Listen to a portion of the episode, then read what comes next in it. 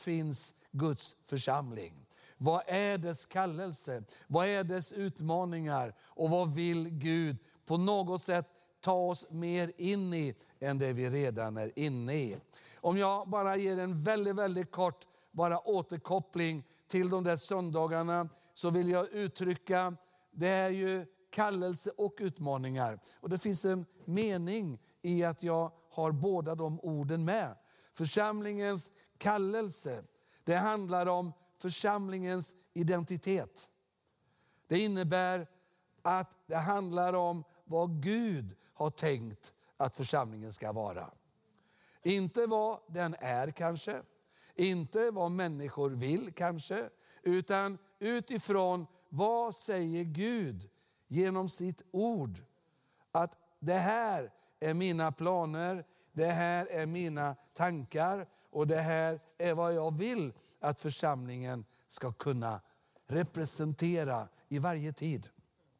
Och Det jag då har lyft fram, det är egentligen det som finns i nästa bild. Det är att Gud vill att församlingen ska representera en andlig auktoritet för honom i tiden. Sanningens pelare och grundfäste. Det är på den grunden allt vårt församlingsliv, församlingsarbete ska bottna i till en välsignelse för vår samtid. Vi ska vara förvaltare av Guds hemligheter. Det betyder som Judas säger i sitt brev, att ingenting av det vi ger vidare är annorlunda än det som en gång gavs. När det gäller församlingen så har vi ordet. Det är någonting som har blivit oss givet. Det är någonting som vi har fått tagit emot. Inte bara för att leva med själva, utan förvalta genom varje generation. Så att våra barn, våra barnbarn ska få leva med samma saker som vi har tagit emot. Och vi ska leva med det som en gång gavs. Men vi ska också representera en profetisk röst i tiden. Detta är det som vi kallar församlingens kallelse. Eller det som också ska representera församlingens identitet. Om vi går tillbaka till utmaningarna så är församlingens utmaning, det handlar om församlingens arbete. Det har att göra med det Gud har gett oss ansvar för att göra. Kallelsen det handlar om att vara det Gud har tänkt. Utmaningarna det handlar om att göra det Gud har gett oss ansvar för att göra. Så det finns egentligen inte mycket viktigare för en troende än att få fatt på, få förståelse över vad som är församlingens kallelse och utmaningar. Vi behöver ha en klarhet över identiteten för att kunna göra det vi ska göra. Och det vi ska göra, det är det som Gud har gett oss ansvar för att göra i varje tid. Men också lokalt kan det bli lite olika betoningar. Men det jag också har sagt under de här söndagarna, det är att det viktigaste är att bli för att kunna göra. Alltså det innebär att vi måste på något sätt upptäcka församlingens identitet. Upptäcka församlingens kallelse för att på ett rätt sätt kunna göra det Gud har gett oss ansvar för. Om inte vi vet vilka vi är, om inte vi vet vad Gud har tänkt om oss, så är det svårt att också representera ett verktyg i hans händer när det gäller det som man har gett ett ansvar för. Jag har gett dig ett exempel, en bild på, på det här. Det viktigaste för en soldat, det är inte att först och främst ut och kriga, det är att först bli en soldat. Så det innebär, exempelvis när jag gjorde min militärtjänst, jag fick inte ut i verk, så att säga, ut på stridsfältet på direkten. Utan jag fick 13 månader då man skulle förberedas för att kunna göra det som var själva soldatens uppgift. På samma sätt är det med polisen. Han måste få en utbildning, han måste få en träning, han måste få en insikt och förståelse vad som är kopplat till hans uppdrag, men också till hans auktoritet. Vad han utgår ifrån, för han är insatt i ett större sammanhang. Du vet, en polis är ju på ett sätt alltid bara en människa. Men han är i tjänst, har sin legitimation med sig, har sin uniform med sig, så är plötsligt blir han någonting mer än bara en vanlig person. Om jag tycker någon kör för fort och stoppar den, så kan jag inte göra mer än att säga det gick för fort. Och han kanske säger, tycker du ja? Och så kör han. Men om en polis stoppar, så säger han inte bara det gick för fort, det kostar så här mycket, ge mig kortet. Då kan man inte bara säga liksom att hej då. Eh, utan det innebär någonting i det skeendet. Och Det här är väldigt viktigt att förstå. Församlingens förmåga att verkligen utföra och göra det Gud ger oss ansvar för går tillbaka till vår insikt och vår förståelse utav vad det är vi är utifrån vad Gud har tänkt vi ska vara. Och utifrån det så kan vi släcka ner de här bilderna, för då behöver jag inte dem mer just nu. Utan jag vill röra vid någonting jag inte riktigt hann färdigt med förra söndagen. En av de absolut viktigaste utmaningarna för en församling, det är när det är kopplat till just våra utmaningar. När det gäller det som Gud har gett oss ansvar för, det är att resa upp en bedjande församling. En bedjande församling. Det är absolut det viktigaste. Det är därför Jesus säger i Matteus 21 och 13, han säger så här att mitt hus ska kallas ett bönens hus. Mitt hus ska vara ett bönens hus. Men ni, säger han då till de som var runt omkring honom, ni har gjort det till ett rövarnäste. Och då kan vi tänka, för det var ju, han gick in i templet, han gick in där liksom på förgården i början och där rensade han upp. Vad var det han rensade upp? Ja, det var ju inte eh, eh, liksom ett rövarliv. Allt han rensade upp, det var det som på ett sätt var förknippat med gudstjänstlivet. Men det hade tagit platsen för det som var syftet med gudstjänstlivet, bönen. Du vet, vi kan också ha möten, vi kan också ha gudstjänster, vi kan göra allt det där vi gör. Men det kanske har blivit det viktigaste för oss istället för att vi har hittat en rätt plats med Gud som Bibeln kallar för bönens plats. Bön för många av oss blir bara våra ord. Och våra ord blir väldigt ofta våra behov. Men du vet, det är bara en mini, mini, mini del av bönen. För bönen är i första hand en plats. Att jag har funnit en plats där jag bara vet att nu är det jag Herren. Nu är det jag Herren. Och den platsen är jag van vid. Och den platsen är jag känd med. Och på den platsen finns det lika mycket lyssnande som talande. På den platsen så finns det det öppna hjärtat. Därför att bön kan ibland bli bara någonting man kommer med sin behovslista. Men Gud önskar någonting annat. Han önskar en plats dit jag kommer för att mer fråga honom, Herre, vad har du på ditt hjärta? Vad tänker du? Vad tänker du om mig? Vad tänker du om mitt liv? Vad tänker du om allt det som är kopplat till mitt liv? Hur är jag i mitt lärjungaskap? Hur är jag som en man till min hustru? Hur är jag som en pappa till mina barn? Hur är jag som en som, ja i mitt fall, och kan säga, hur är jag som pastor? Och man har en önskan att höra vad han har på sitt hjärta om det. Och jag har en förväntan att faktiskt få höra någonting. Och då undrar du kanske, eh, hur, hur hör du han säger? Ja men oftast blir det i de där stunderna man blir påmind om bibelord. Man kan väldigt starkt höra någonting som blir någonting oerhört medvetet. Och du vet, det kan vara allt än bara det där jippi. Det kan vara förmaning, det, det kan vara tillrättavisning, det kan vara både det ena och det andra. Men den platsen, den kommer inte till oss, utan det är någon vi måste trampa upp vägen för att komma till själva. Du vet Paulus, jag var inne på det lite förra söndagen.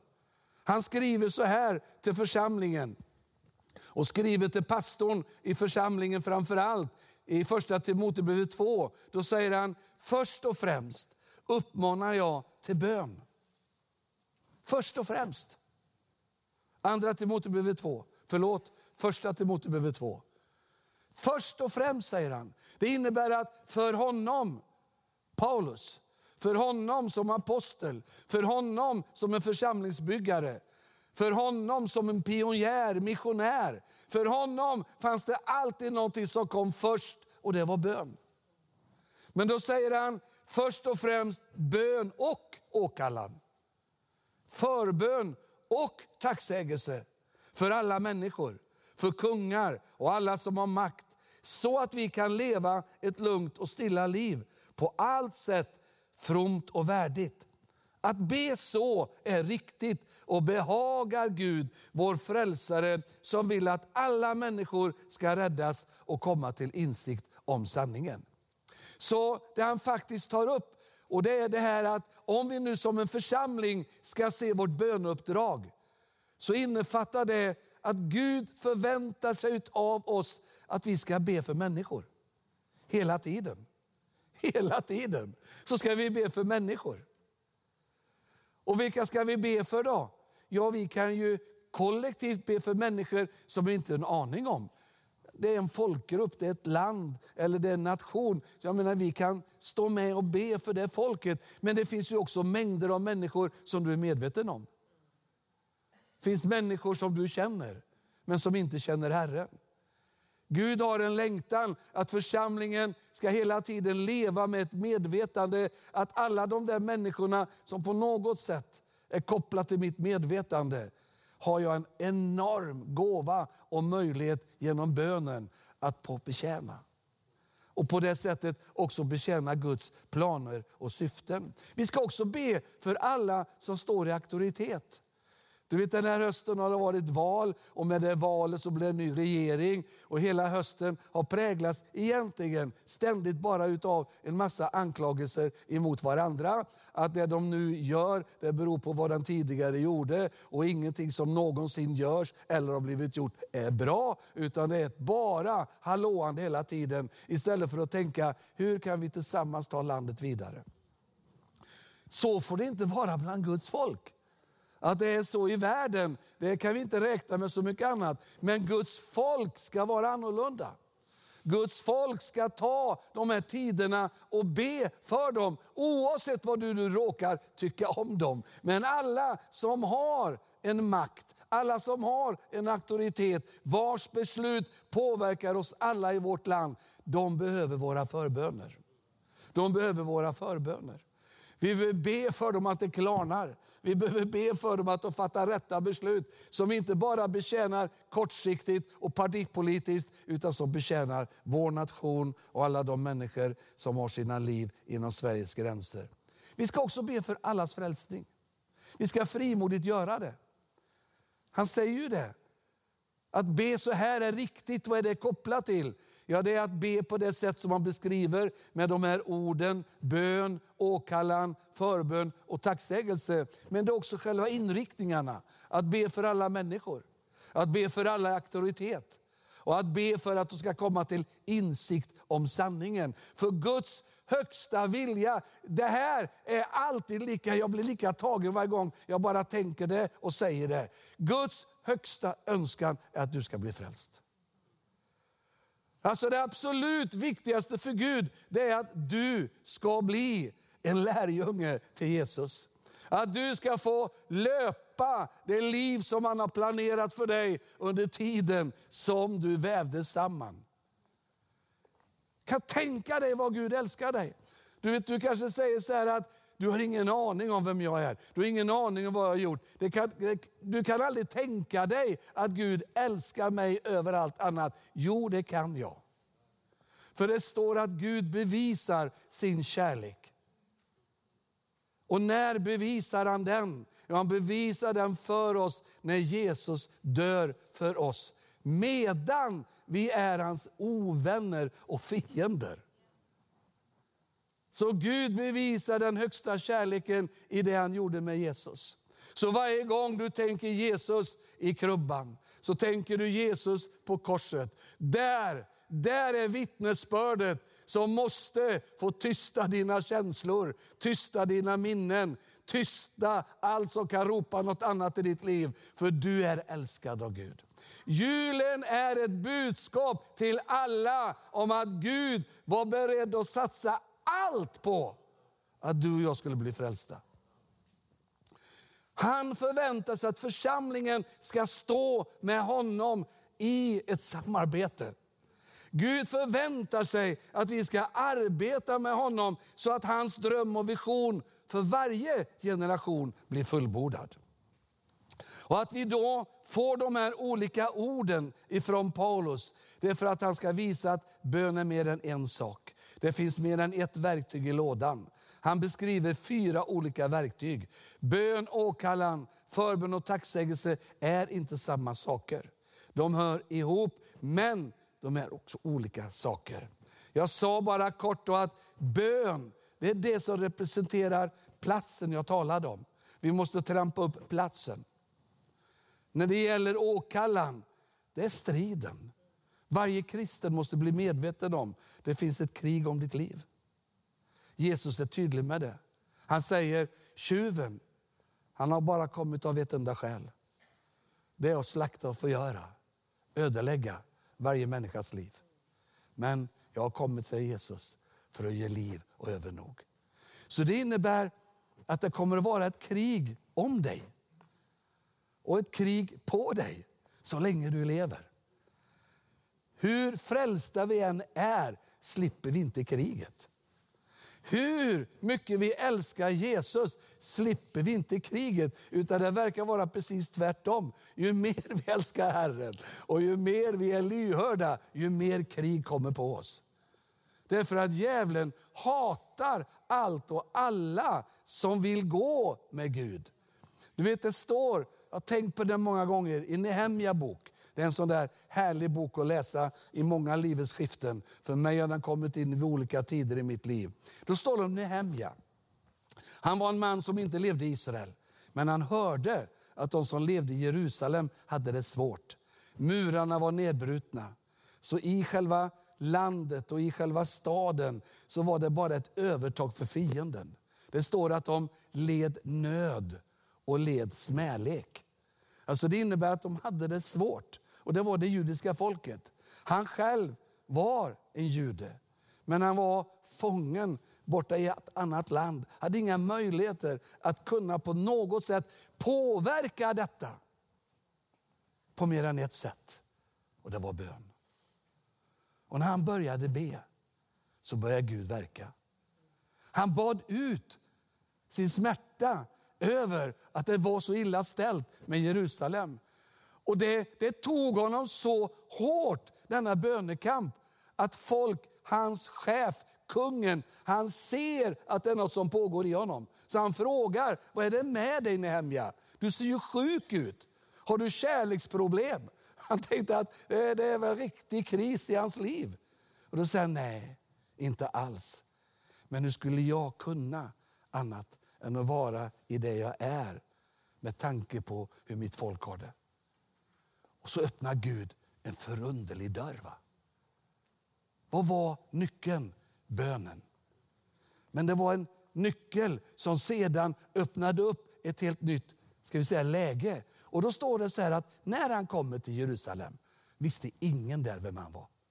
Inte en människa hade en aning om vem han var. Och han kom dit och var så att säga inkognito. Han gjorde sig inte känd heller, utan han var bara en människa som kom dit. Men vad står det? Jo, det står att det fanns några, Samballat och Tobia. Helt plötsligt från ingenstans. Han hann inte mer än komma dit. Så står det att de blev arga. De blev hatiska emot honom för han ville göra någonting gott för folket. Det kommer kriget. Så du vet, när Gud får dig på spåret så behöver inte du göra någonting, du vill bara finnas. För du har något i ditt hjärta. Och Det här är församlingens verklighet. Så fort vi börjar vakna upp, koppla ihop med Gud, börja be, börja göra det vi ska göra, ja, men då kommer inte bara en massa välsignelser över oss. Det kommer ett krig också över oss. Det tredje med förbön, det är prästtjänsten. Det är att vi kliver in, ber för dem som inte kan be. Vi ber för dem som inte har möjligheter kanske att uttrycka sin längtan. Jag vet inte hur många, men ständigt möter man människor som hade förebedjare som bad för dem och som ledde fram till att de började tänka på Jesus. Jag var en sån. Andras förböner väcker det man själv inte på något sätt var kopplad till. Och det leder mig till tro. Tacksägelse, det talade vi om. Det handlar också om ett vapen, det är ett verktyg. Det är bedjarens hållning och attityd. Tänk hur viktigt det är vilken hållning vi har i våra liv. Du vet, det var, det var liksom inte bara en sån där ytlig sak jag sa i början. Men jag tänkte på det när jag satt här själv. Innan vi började mötet och bara betraktade krubban. Jag, jag betraktade Jesusbarnet och löftesstjärnan. Så, så tänkte jag så här att det står om honom när han kom. Det fanns inget rum för honom. Det fanns ingen plats för honom. Så tänkte jag just det här. Ja, men det, det är ju hela tiden det som är skälet också när det gäller oss. Hur mycket plats har vi för Jesus? Hur mycket rum har vi för honom i våra liv? I våra församlingar? Därför att det är ju bara vi själva. Han fanns ju där. Men man öppnade inte upp för honom. Du och jag, vi kan faktiskt, förstå mig, när vi tar emot Jesus i våra liv så gör han ett fullkomligt verk i våra liv när det gäller förlåtelse, upprättelse i bemärkelsen min ställning inför Gud. Men det finns väldigt mycket av förlåtelse och upprättelse som ska ske i mitt sönderslagna liv. Anden blir omedelbart frälst, men din själ blir inte det. Där väljer du in Jesus. Det är där du öppnar upp för honom. Och Det här är så oerhört viktigt vi förstår det. Vi är inte bara de vi är för att Gud vill att vi ska vara de vi är. Han vill att vi ska vara de han har tänkt att vi ska vara. Och då vill han att Jesus ska få fria händer, att Jesus ska få mycket utrymme i våra liv. Och överallt han drar in i våra liv. När han kommer in i själen kan det vara väldigt mycket annat än glädje där. Men när han kommer in kommer glädjen in. Det bara är så. Men du vet, vi är ju vana vid att leva ett liv som bygger på våra omständigheter. Så det finns någonting att glädja sig åt, då blir vi glada. Men du vet, glädjen som kommer från himlen, den är konstant. Även om inte det finns någonting i det yttre att glädjas över, så är han glädjen. Tänk att det är så. Alltså det är ju, Alltså jag måste säga tack Jesus för att det är på det sättet. Det är ju det som har räddat ens liv. Jag menar, vi har alla lite olika läggningar. Och det, det kanske inte du har tänkt på så mycket, men jag menar, jag har ju ett jättestort inslag i mitt liv utav det melankoliska. Och det hade ju en väldig dominans över mig innan jag kom till tro. Och det är en ganska jobbig sida. Men du vet, Jesus har upprättat det också. Han klev in i rummet där också. Och han sa, Per-Åke, vi kan, vi kan göra det på ett annat sätt. Vi kan göra det här och det vill han göra i ditt liv också. Och då får du en annan hållning. va? Så det när alla ville ge upp på Nehemjas tid så vill inte han ge upp.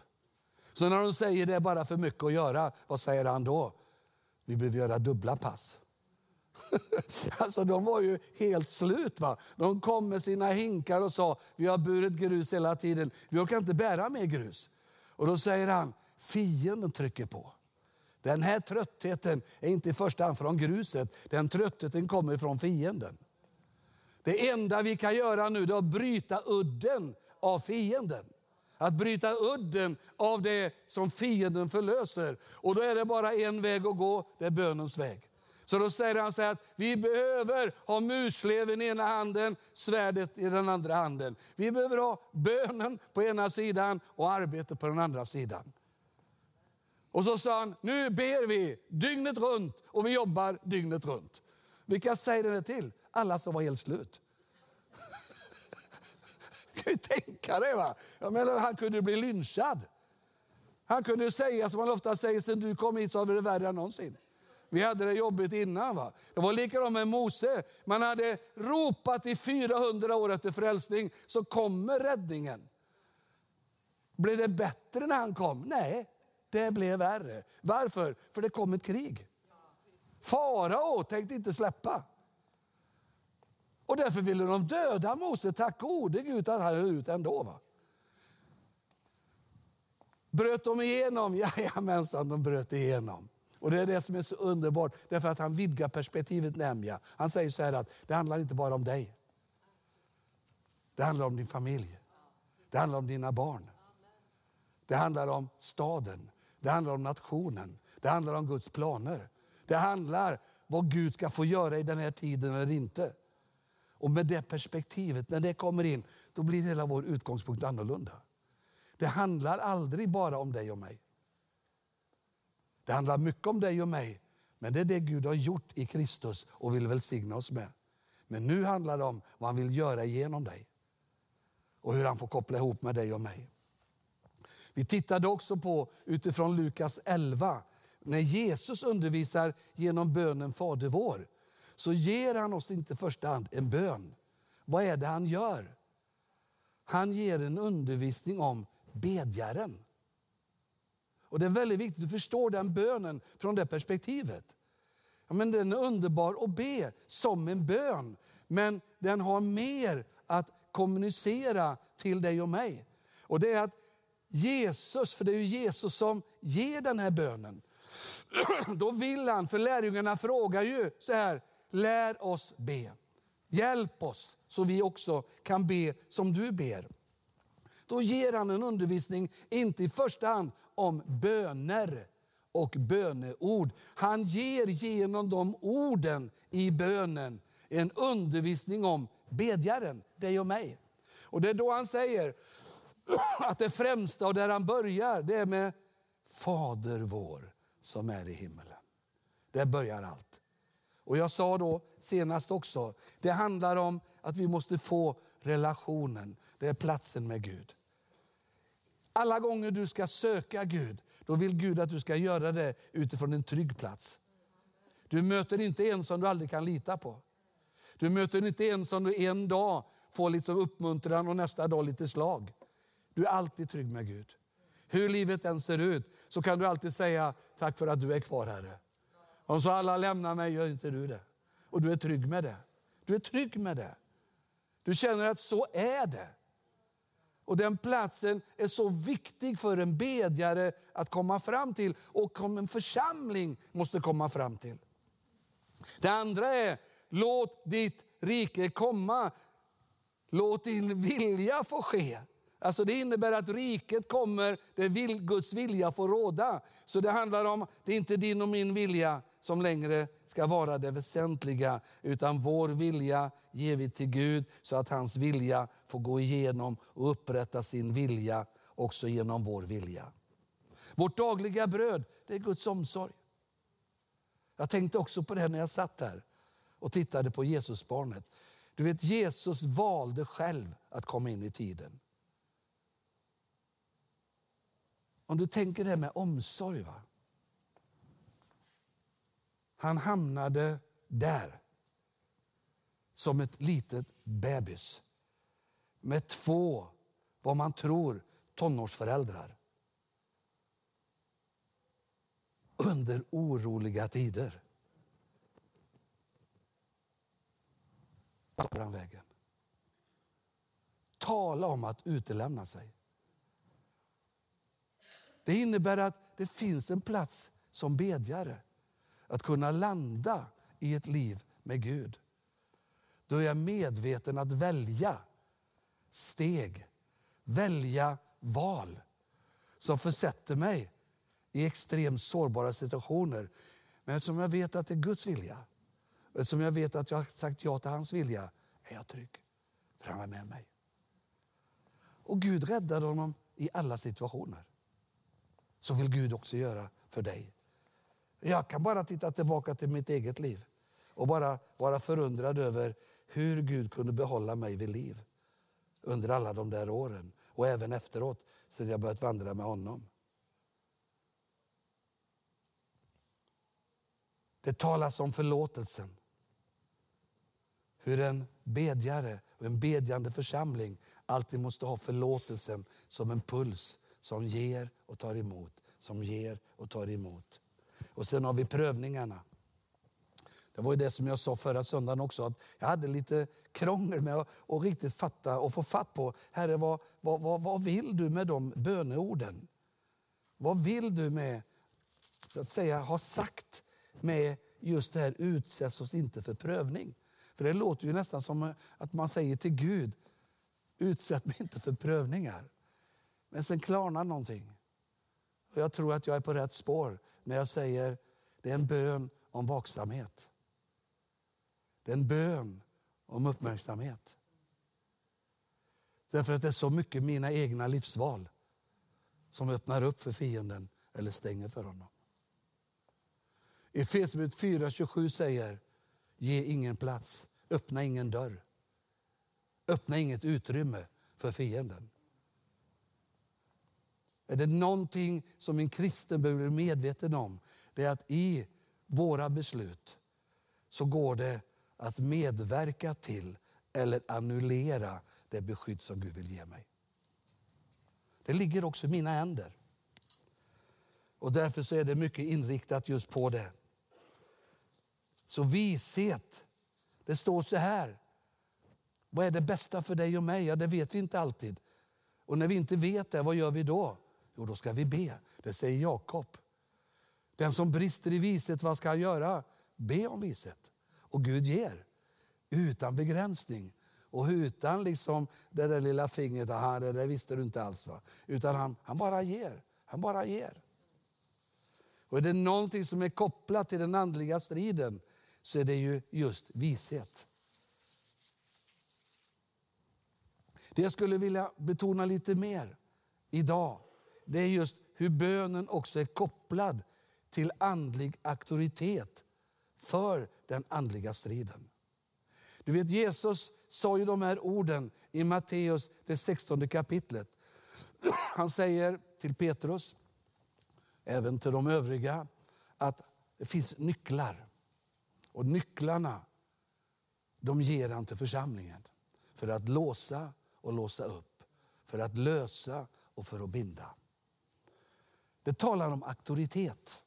Det innebär att i församlingen finns en auktoritet som är större än hos den enskilde. Och Det är viktigt att förstå. Det är på samma sätt som om vi nu tänker exempelvis så att säga soldaten. Han har ett mått av auktoritet genom att han nu är en utbildad soldat. Men så finns det ju en befälskedja. Så det innebär att det finns alltid någon över som har en större auktoritet. Han kan påverka sitt liv. Men en som är kapten kan påverka ett kompani. En som är överste kan påverka ett regemente. En som är general kan samordna regementen och föra tusentals människor i strid. Det är en befälskedja, det är en auktoritetskedja. Och Bibeln är tydlig med att visa att så är det. Vi kan aldrig som enskilda representera en auktoritet som församlingen kan göra. Det är därför som det alltid är ett sånt krig på församlingen att vara en församling. Därför att djävulen vet ju, han vet ju vilken auktoritet som råder, som gäller. Och han vet ju hur han ska annullera den givna auktoriteten som är given till församlingen. Så att den inte på något sätt stänger för honom. För det står ju att dödsrikets portar, det talar också om auktoritet. Portarna var auktoriteten. Det var där alla beslut fattades som gällde staden. Det var också där beskyddet, portarna fanns som man släppte in och ut och som beskyddade vid attacker. Så det han säger Jesus det är att jag ger en auktoritet till församlingen som är långt mycket större än en enskild kan ha. Som kan påverka långt mycket mer i tiden än vad någon enskild kan göra.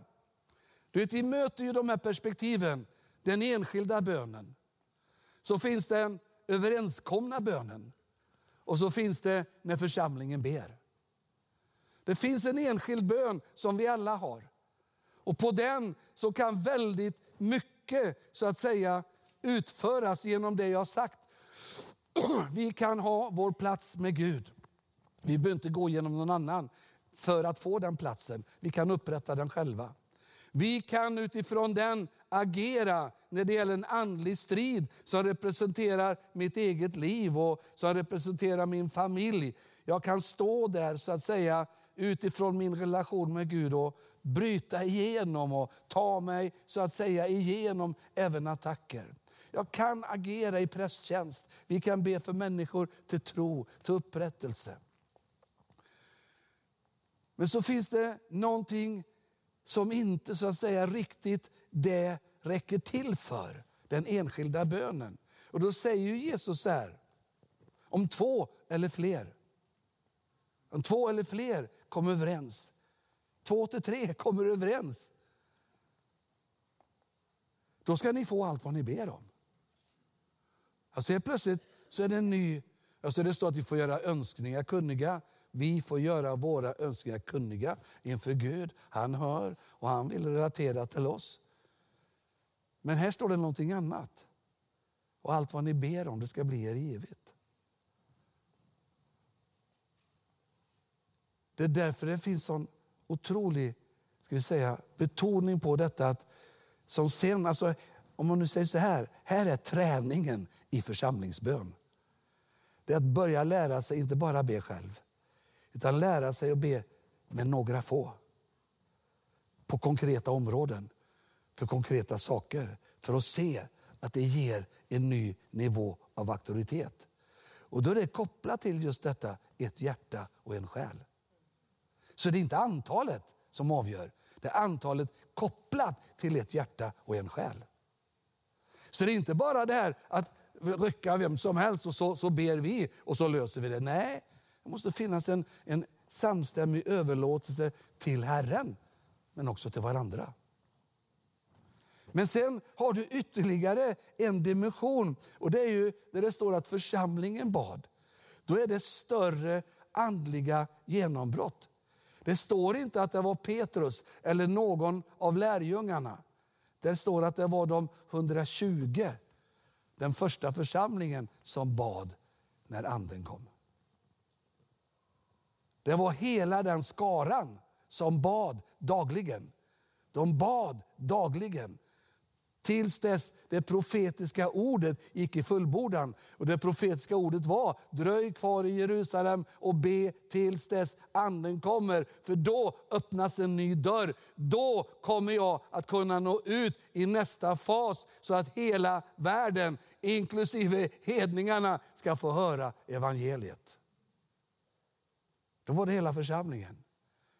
Och på det kommer den stora explosionen att man vid ett möte på en dag välkomnar 3000 människor in i församlingen. Ett oerhört genombrott när det dagar, månader tidigare bara var en enda stor fruktan över församlingen, över lärjungarna. De var slagna, de var uppgivna, de var modlösa. Men när de kopplade ihop i ett hjärta och en själ, kom inför Gud i förbön och började be, kriga utifrån det profetiska ordet, då hände det någonting mer. Sen går det bara några kapitel i Apostlagärningarna. I det fjärde kapitlet då kommer attacken mot församlingen. Man attackerar Jakob och Johannes, Petrus och, och, och Johannes. Och så vill man utifrån ett helande förbjuda förkunnelsen, förbjuda att man bad för människor. Då står det att de gick till församlingen. Och när församlingen börjar be, kära någon. Alltså tänk dig själv, de kommer dit egentligen med en dödsdom. Inte bara över sig själva, utan över hela församlingen. Och säger att nu är beslut fattade. Detta är gällande, rådande beslut som har fattats. Att om inte vi upphör att förkunna, om inte vi upphör att be för sjuka, kommer vi sättas i fängelse och kanske mista livet. Det är den dödsdomen de har. Och när de tar detta till församlingen så står det, församlingen började gemensamt ropa till Gud. Och när de börjar be, inte då, alltså det här är så makalöst, för då, då slår ju den profetiska smörjelsen till. Så är plötsligt när de har lyssnat och börjat be utifrån den beskrivning som de här apostlarna gav dem, så kommer en profetisk smörjelse över dem så att de börjar be utifrån från ingenstans. Psalm 2. Det var verkligen inte utifrån på ett sätt några eh, beskrivningar eh, eh, vad, vad, som, som innebar att det var synd om dem. Utan det talas om att ja, de säger så här, det vi nu ser framför ögonen, det säger ditt ord att vi skulle möta. För psalm 2 säger det. Hur alla knyts ihop. Olika mänskliga, naturliga auktoritetsled knyts ihop för att så att säga ödelägga Guds planer genom Jesus Kristus och hans församling. Det är vad egentligen psalm 2 säger. Och som de ber ut då. Men vad säger psalm 2 mer? När det händer så är det inte dags att släcka ner. Så är det dags med att vara offensiv. För det är då det står att när det händer, vad är det ni ska göra då? Begära hedningarna till arvedel.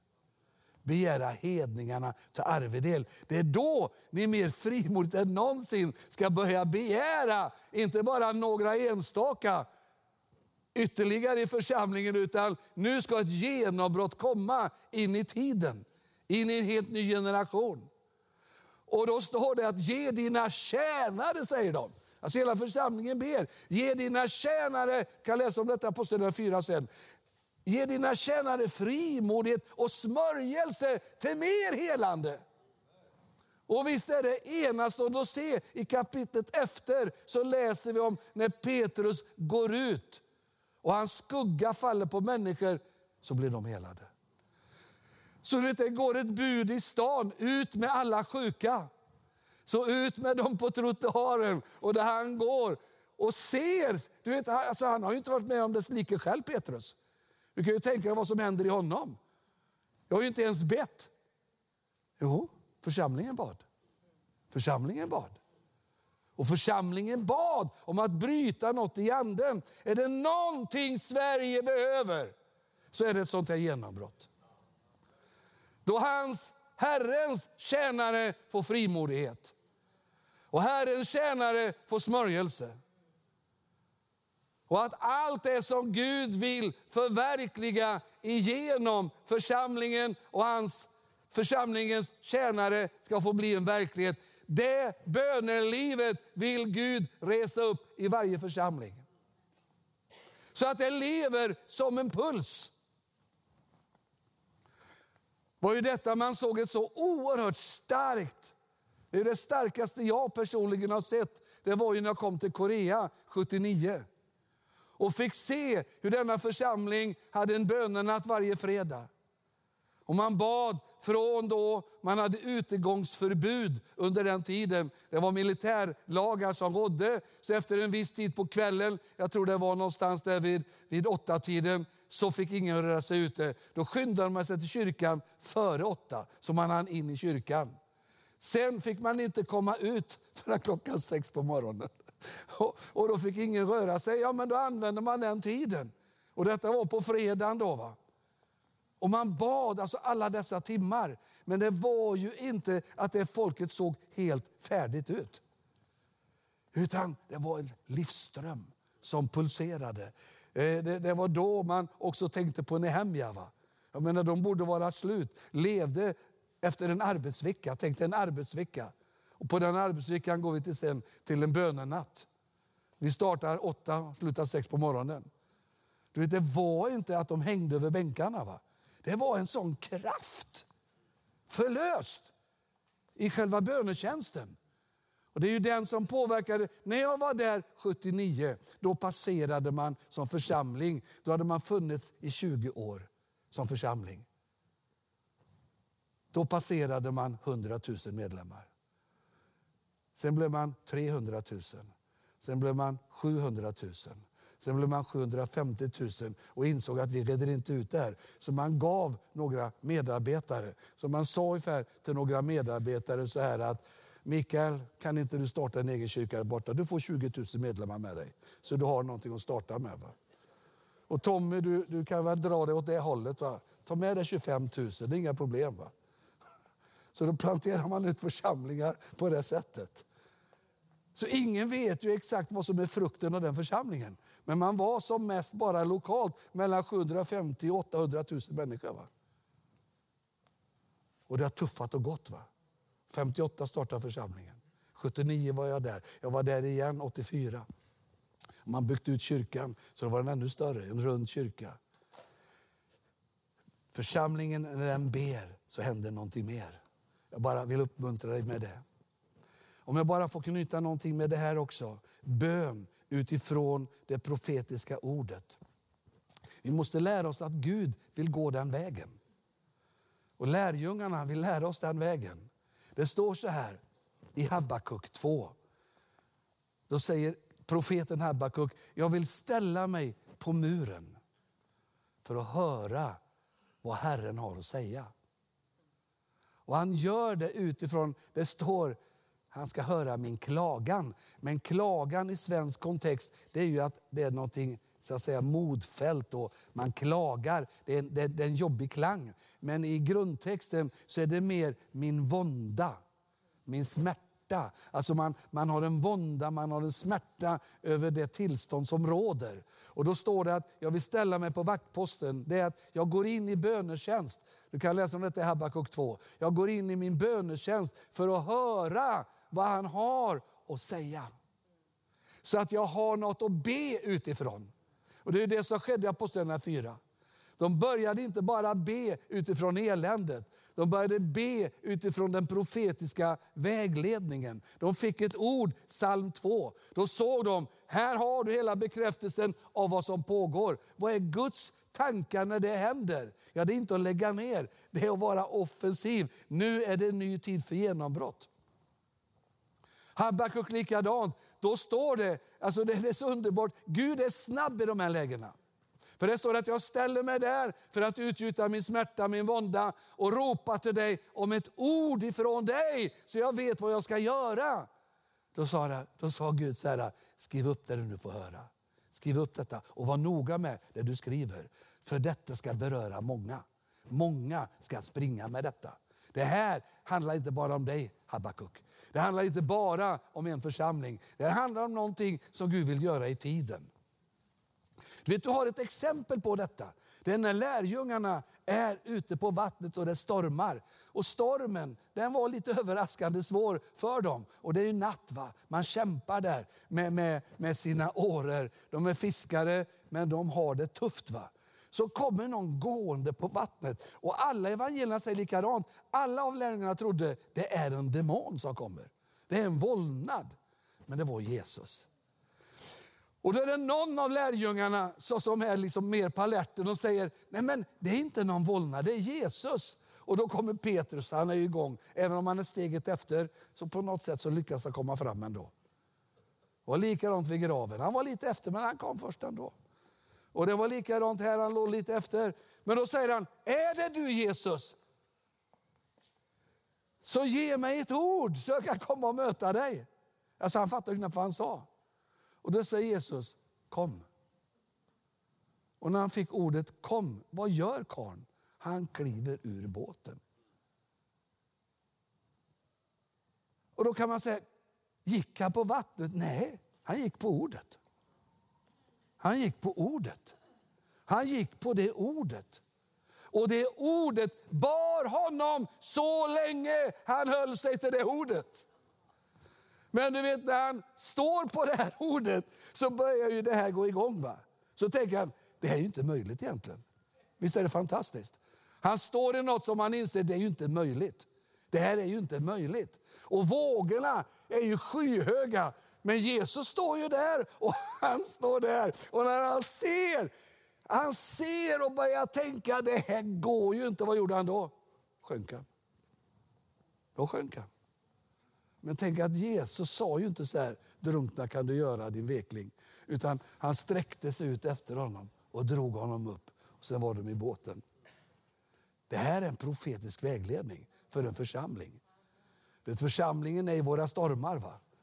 Och vi undrar, kära någon, ska de här stormarna ta livet av oss? Och vad är Herren? Ja, det har vi inte sett på länge. Vad är han? Han har lämnat oss, han har övergett oss. Nej, nej, han är alltid nära. Va? Och vad är det han vill göra då? Han vill lära oss en väg och det är be utifrån profetiska ord och profetiska tilltal. Det är en oerhörd kraft i detta. Du vet i första Timoteusbrevet så står det så här. I första Timoteusbrevet, det första kapitlet från vers 18. Och då undervisar Paulus nu sin andlige son. Han är inte bara en andlig son, han är pastor i Efesus.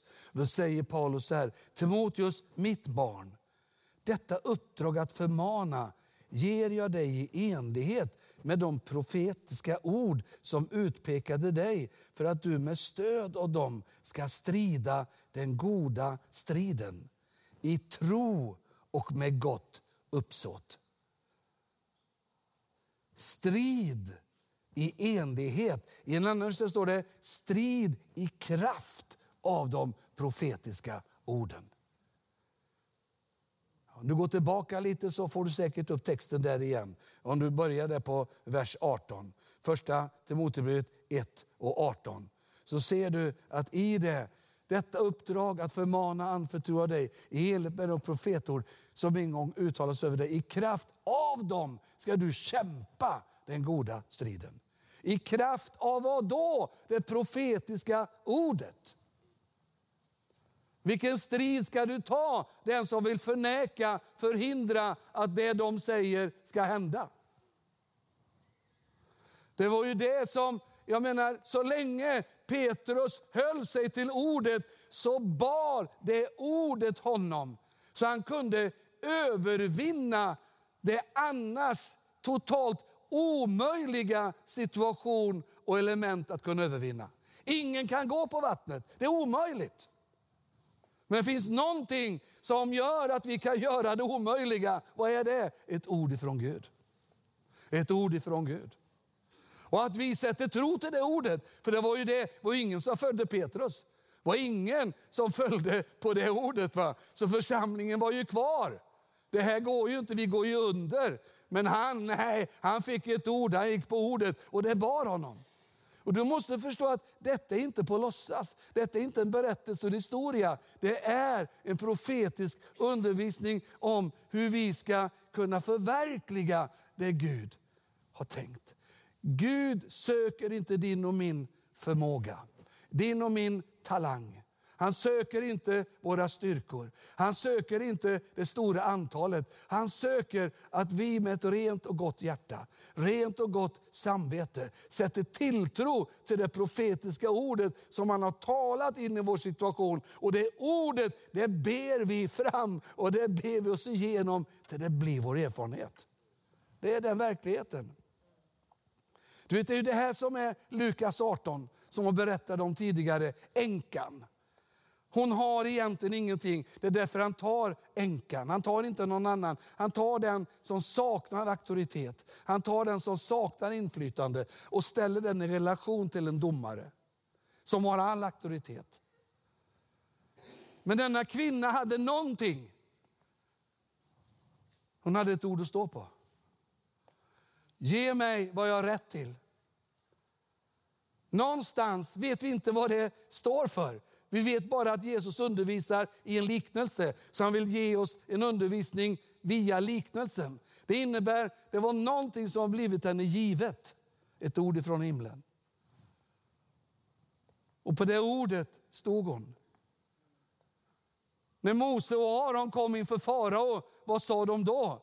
Vi kommer med tanks, vi kommer med en armé, så nu får du lägga ner vapnen för nu ska vi sätta alla fria. Nej, de sa vi kommer med ett ord ifrån Gud. Så säger Herren, släpp mitt folk. Släpp mitt folk, de ska fira gudstjänst i öknen. Och han sa, glöm det. Det sa domaren också till kvinnan, glöm det. Iväg. Kom hon tillbaka dagen efter, jajamensan. Var hon bruten? Nej, nej. Hon var frimodig. Hon säger, ge mig vad jag har rätt till. Förstå vilken frimodighet. Tänk att ett ord från himlen kan göra dig och mig frimodigare än vad vi hade en aning om att vi kunde vara. Alltså det är inte den uppblåsta frimodigheten. Det är bara att det kommer en sån övertygelse. Och med den övertygelsen kommer en sån beslutsamhet. Och i den beslutsamheten kommer det det som uppfattas som en enorm frimodighet, men det är inte så vi själva upplever det i de här lägena. Vi upplever inte att vi är frimodiga, vi bara upplever, jag är så övertygad om någonting. Och det finns någonting som ger mig en sån beslutsamhet i den övertygelsen. Men omgivningen uppfattade det som väldigt frimodig. Men det tror jag inte kvinnan kände sig frimodig. Hon var bara så beslutsam. Mose och Aron likadant. Och vad står det? Domaren var tvungen att släppa taget. Så att hon fick det som var henne givet. Han var tvungen att släppa taget också när det gällde folket och Mose och Aron.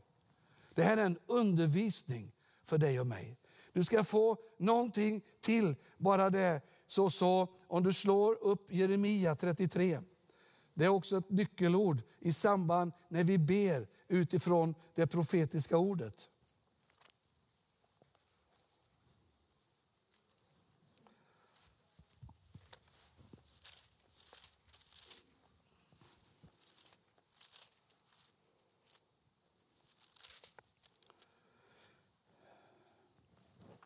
Detta ord kom till Jeremia Jeremia 30 från vers 1. Detta ord kom till Jeremia från Herren. Det är inte det. 33. Jeremia 33. Ifrån vers 1. Herrens ord kom till Jeremia en andra gång. Medan han ännu satt inspärrad på vaktgården så säger Herren, han som har gjort jorden, som danat den och gett den fast form, han vars namn är Herren. Ropa till mig och jag ska svara dig och låta dig höra om stora ting, hemligheter du inte känner. Ropa till mig så ska jag svara dig och låta dig höra om stora ofattbara ting som du inte känner till. Här har du några nycklar. Det står att Herrens ord kom till Jeremia för andra gången. Varför tror du det står andra gången? Ja, kanske du svarar, det var andra gången. Jag tror det finns en betydelse till. Gud är förvånad över att han behövde komma en andra gång. Han hade hört det. Men när han hade hört det hade inte det hänt som borde hänt. Alltså kommer han en gång till.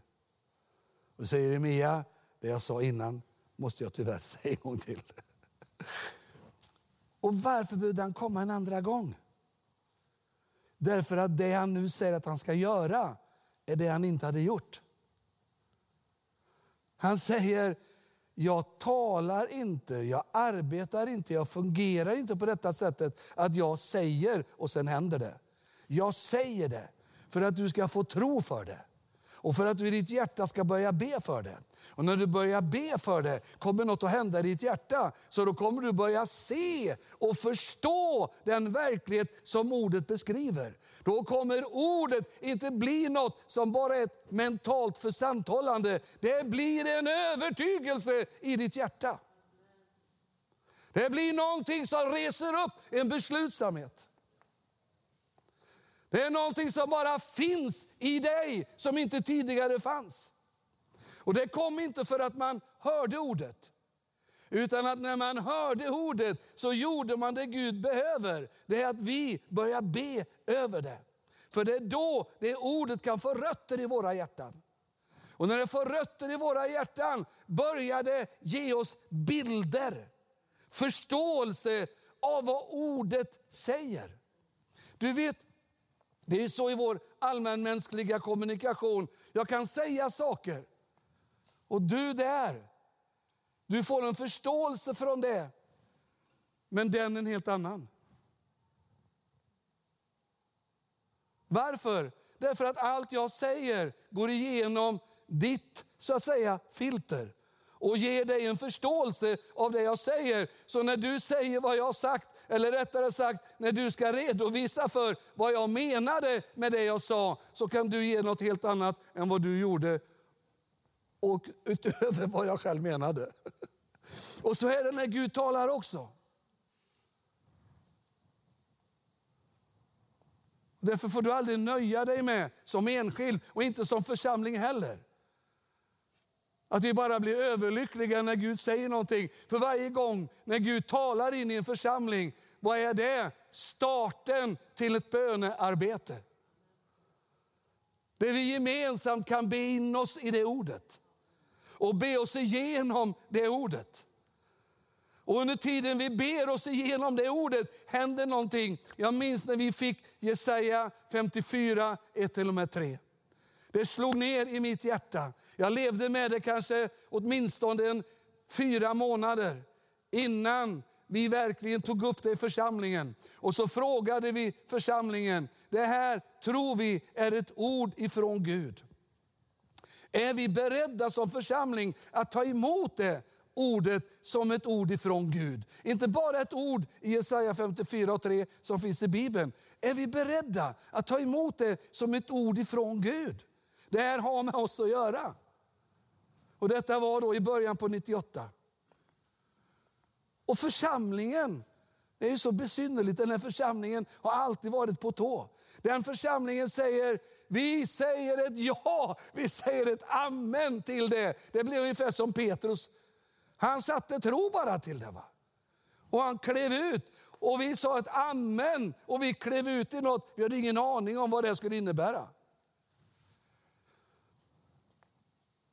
Och utifrån det så bad vi ett helt år utifrån det bibelordet.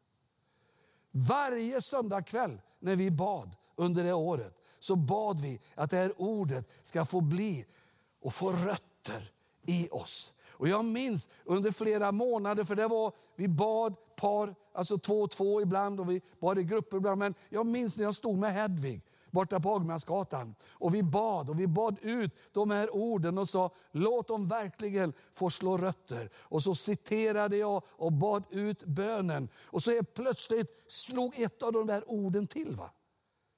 I alla de jag då hade läst många gånger och bett ut många gånger. Men det var ordet spar inte. För det står så, spänn ut tältlinorna under vilket du bor, slå ner pluggarna. Det står om att du som är ofruktsam ska få många barn. Det står att våra barn ska ut i mission, ta hedningarnas länder och städer i besiktning, eller länder i besiktning och, och befolka ödelagda städer. Men det står i samband med spänn ut tältlinorna, slå ner pluggarna, så står det i samband med spänn ut tältlinorna, spar inte. Och helt plötsligt bara det ordet exploderade inom mig. Och Hedvig och jag stod och höll våra händer.